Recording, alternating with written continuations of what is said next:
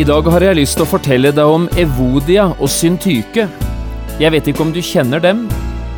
Dette var to kvinner som hørte hjemme i det kristne fellesskapet i Filippi, og som ikke kom noe særlig godt ut av det med hverandre. Såpass vanskelig var konflikten mellom dem at det måtte en tredje person, Synsigus, inn i bildet. Kanskje han var i stand til å få løst opp i flokene.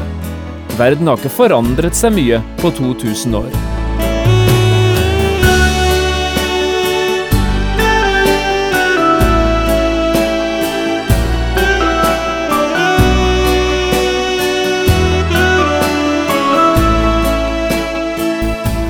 Hjertelig velkommen til et nytt program i serien Vindu mot livet.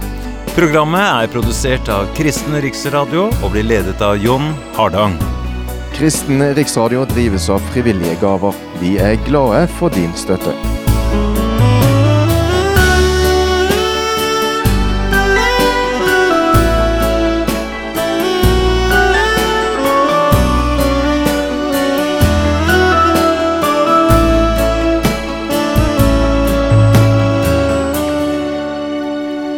Vi skal også i dag lese fra Filipperbrevet i Bibelen, i denne programserien som er kalt Gled deg. Vi er nå kommet fram til det fjerde og siste kapittelet i dette brevet, og skal lese det eneste avsnittet som forteller om et konkret problem som menigheten i Filippi hadde å slite med. Vi skal lese fra Filipperbrevet kapittel fire og vers én til tre. Jeg har kalt dagens program Evodia og Syntyke. Paulus sier, Derfor, mine brødre, som jeg elsker og lengter etter, min glede og min krans, stå fast i Herren, mine kjære. Evodia formaner jeg, og syntyke formaner jeg, til å ha det samme sinn i Herren. Ja, jeg ber også deg, du som med rette blir kalt Synsigus, kom dem til hjelp, for de har kjempet med meg i evangeliet, sammen med Clemens og mine andre medarbeidere, de som har sine navn skrevet i Livets bok.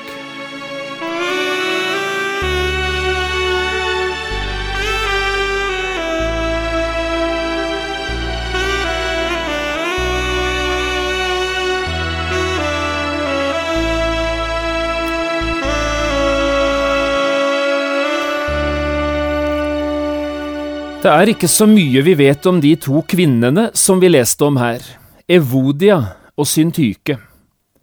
Paulus skriver det altså i vers to, Evodia formaner jeg, og Syntyke formaner jeg, til å ha det samme sinn i Herren.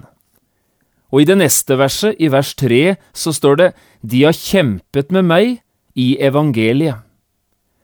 Men det er også det hele. Mer vet vi ikke. Vi forstår likevel av disse ordene at de to kvinnene har problemer i forholdet seg imellom. De ligger i en form for strid med hverandre, og opplever en personlig og dyptgående konflikt. La oss prøve å summere det lille vi vet, både om kvinnene og om konflikten. Jeg tror vi kan finne fram til fem forskjellige ting. For det første, det er altså to kvinner dette handler om. To kvinner som tilhørte den første kristne menigheten i Filippi. Navnene deres er typiske kvinnenavn, fremmede for oss, men vanlige på Paulus' tid, Evodia og Syntyke. For det andre, disse to kvinnene er ikke nevnt noe annet sted i Det nye testamentet, vi møter dem bare her. Derfor vet vi heller ingenting om hvordan det gikk dem senere, om de tok Paulus' formaninger til hjertet, eller de ikke gjorde det, om det ble slutt på uenigheten i Filippi, eller om disse to fortsatt ble liggende i strid med hverandre. For det tredje, vi vet heller ikke noe om årsaken til deres disputt. Vi får ikke vite noe om hvorfor de ikke klarte å leve i fred med hverandre. Hva gikk uenigheten ut på? Og hvor dypt stakk den? Det eneste vi vet, er at dette må ha vært en konflikt som var kjent i hele menigheten. Ellers hadde Paulus aldri skrevet så åpent om denne konflikten som det han her gjør. For det fjerde, Paulus formaner dem til å komme til enighet. Han oppmuntrer dem, tilskynder dem, men han verken irettesetter eller instruerer dem. Paulus sier ikke dere må. Han truer dem ikke og sier dersom dere ikke, vel så.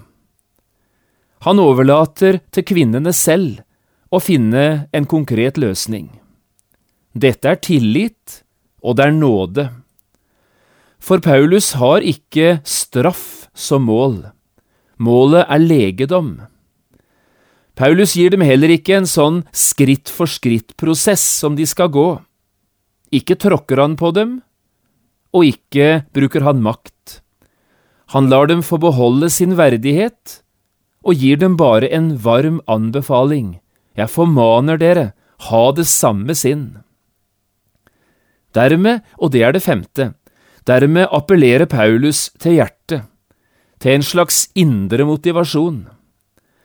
Her høres ingen løfter om materielle goder dersom de kommer seg gjennom denne konflikten. Han gir de ikke forhåpninger om styreverv eller attraktive posisjoner.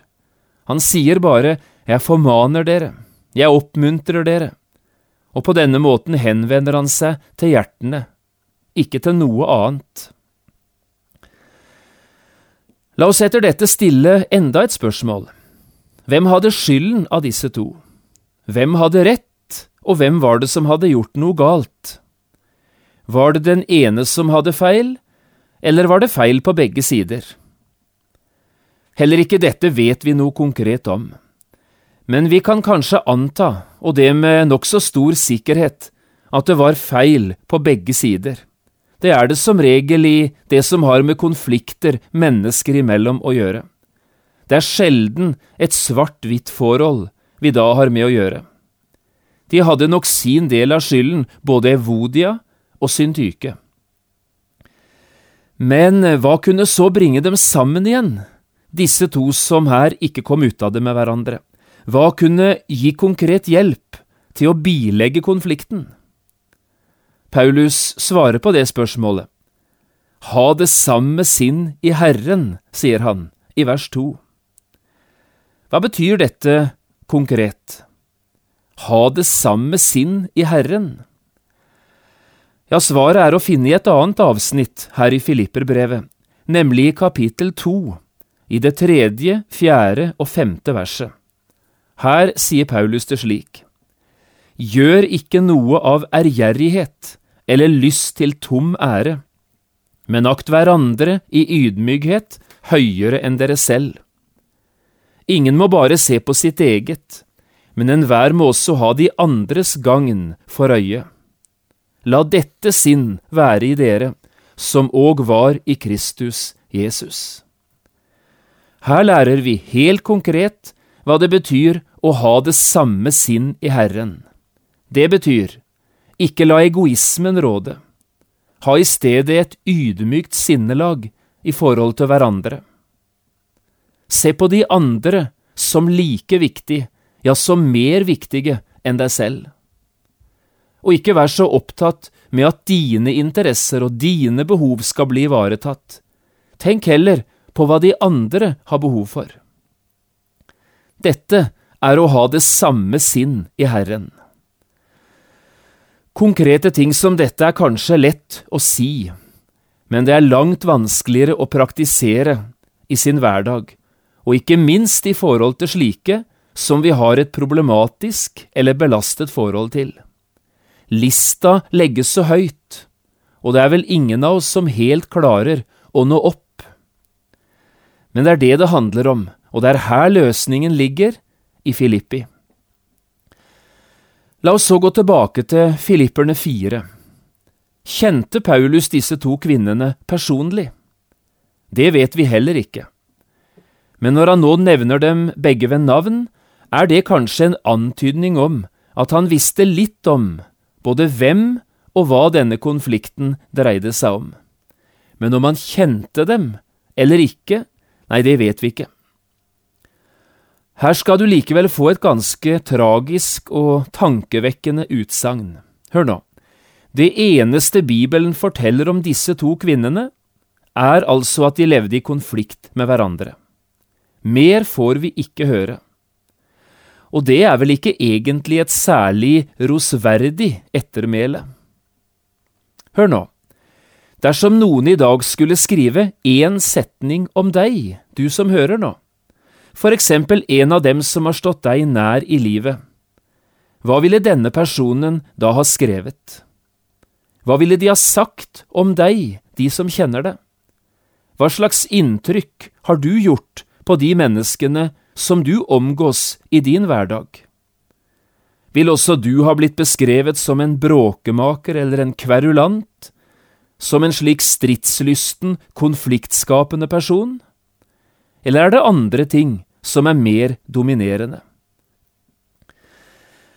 Men dette vesle avsnittet vi nå har lest sammen, her fra Filipperbrevet 4, handler ikke bare om to kvinner som lå i strid med hverandre. Det blir også nevnt noen flere. Jeg ber også deg, som med rette kalles Synsigus, kom dem til hjelp, for de har kjempet med meg i evangeliet sammen med Klemens og mine andre medarbeidere, de som har sine navn skrevet i livets bok. Paulus skriver altså også om en som blir tilkalt for å komme de to stridende partene til hjelp, en som om mulig skulle løse konflikten ved å forsøke å få disse to kvinnene til å snakke sammen igjen. Noen ganger er det nemlig slik at et problem er så stort og så uløselig at det ikke er råd å få gjort noe med uten ved hjelp av en tredje person. Og det kan se ut som det er det som skjer her. Paulus ber Synsigus om å trå til. Evodia og Syntyke klarer ikke å komme overens ved egen hjelp. Kom dem til hjelp, Synsigus, sier Paulus. Han, denne tredje personen, er nå den store muligheten til forandring i forholdet mellom disse to stridende kvinnene.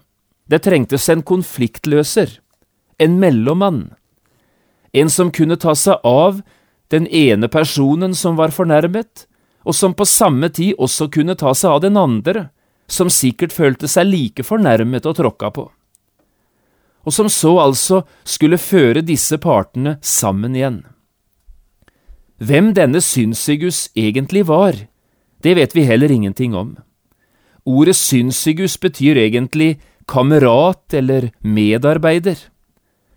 Det er ikke sikkert at dette egentlig er hans virkelige navn. Kanskje det bare er et kallenavn han har fått av en eller annen grunn. Du som med rette kalles Synsigus, skriver iallfall Paulus her. Han var i alle fall godt kjent, både i Filippi og for Paulus. Eh, men om han nå het Synsigus eller ikke, det betyr lite for denne sammenhengen. Det viktigste var at han kanskje var i stand til å komme disse to til hjelp som nå hadde det vanskelig, og som ikke var i stand til å komme seg ut av problemene på egen hånd. Det er et annet bibelavsnitt som kommer i tankene mine når vi nå snakker om behovet for en hjelper eller for en tredje person i slike vanskelige situasjoner. Jeg tenker på de to første versene i Galaterbrevet og kapittel seks. Her møter vi en helt annen situasjon i Galatia enn den som er beskrevet fra Filippi. I Filippi handlet det om stridigheter og konflikt. I Galatia gikk det skikkelig galt for en kristen bror. Han falt i synd og gikk i grøfta og kom seg ikke opp på banen igjen, ved egen hjelp. Derfor er det behov for hjelp utenfra, fra en tredje person. I Galatia er situasjonen denne. Nede i grøfta ligger en fallen bror, og oppe på veikanten står noen av hans nådesøsken, fulle av bebreidelser og fordømmelser.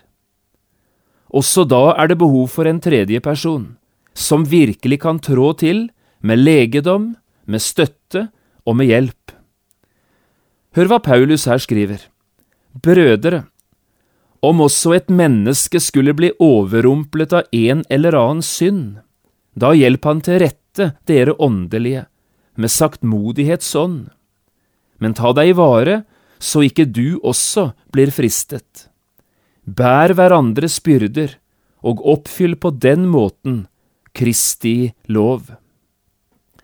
Dette syns jeg både er flotte og lærerike ord.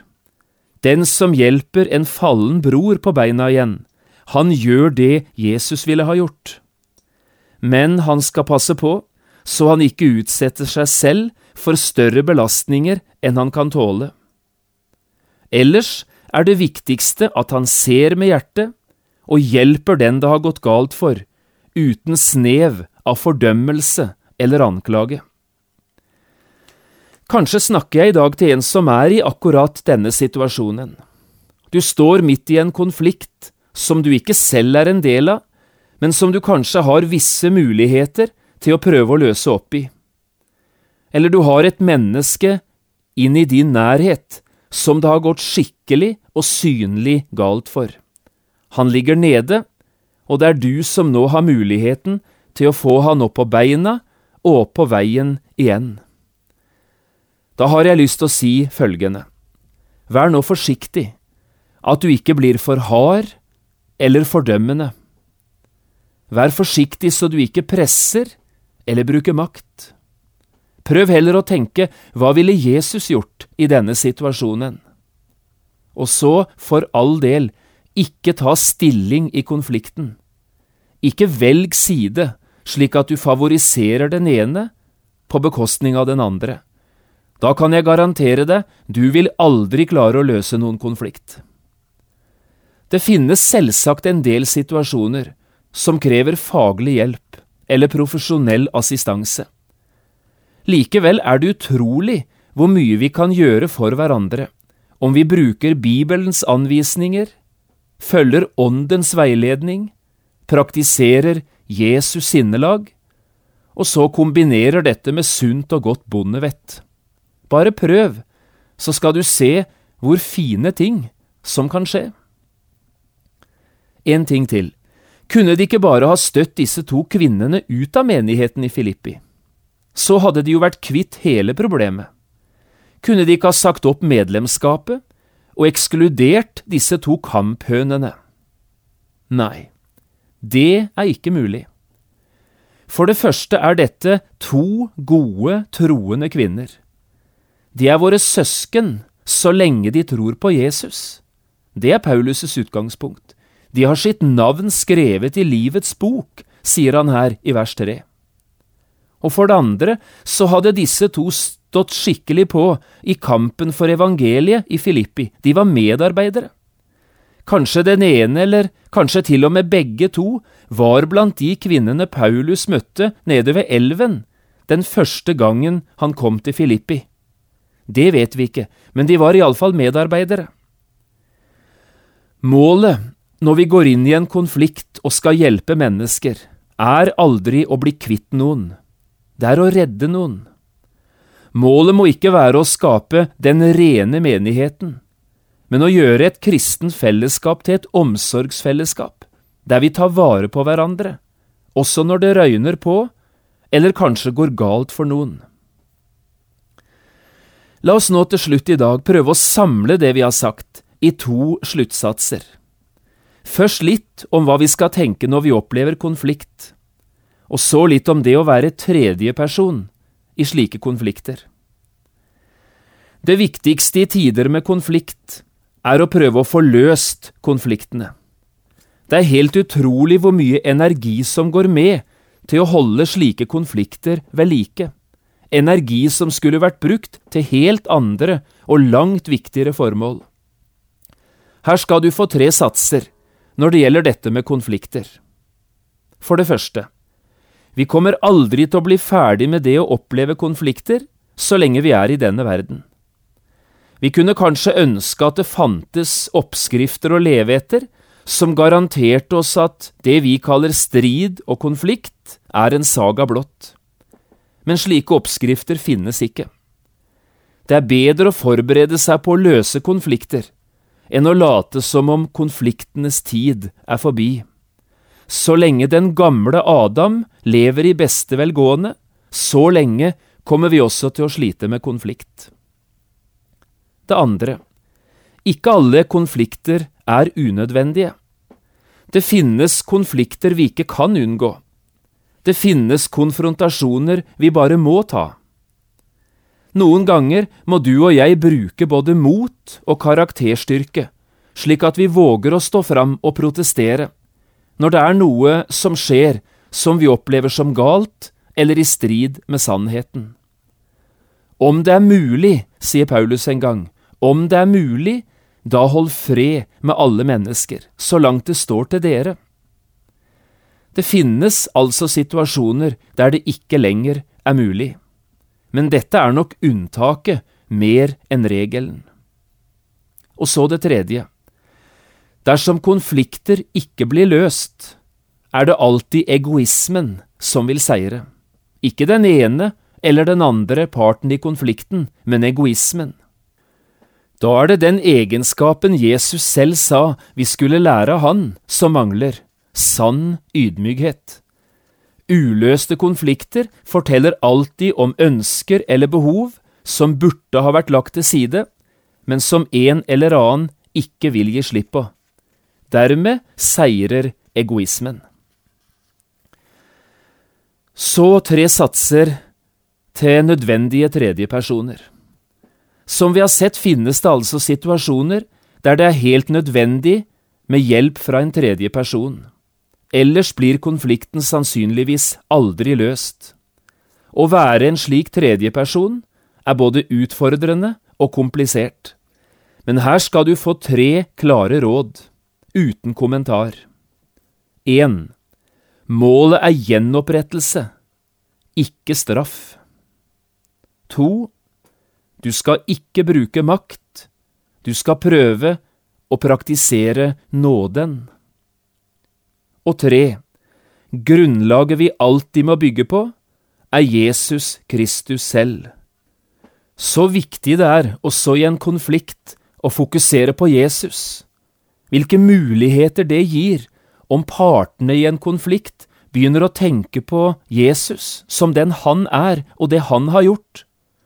Når disse tankene kommer, jeg vil leve i et rett forhold til Jesus. Jesus har kjøpt meg fri fra syndens og djevelens makt, betalt en ufattelig pris for meg. Jeg har jo gitt mitt liv til Jesus. Jeg ønsker at han skal få eie meg og bruke meg. Når et menneske begynner å spørre hva ville Jesus ha gjort i denne situasjonen, hvilke muligheter det gir til konfliktløsning, der slike ting blir fokusert, der er det hjelp å få, både for Evodia og Syntyke. Der Jesus blir den første og den eneste, der er det håp også for slike som deg og meg.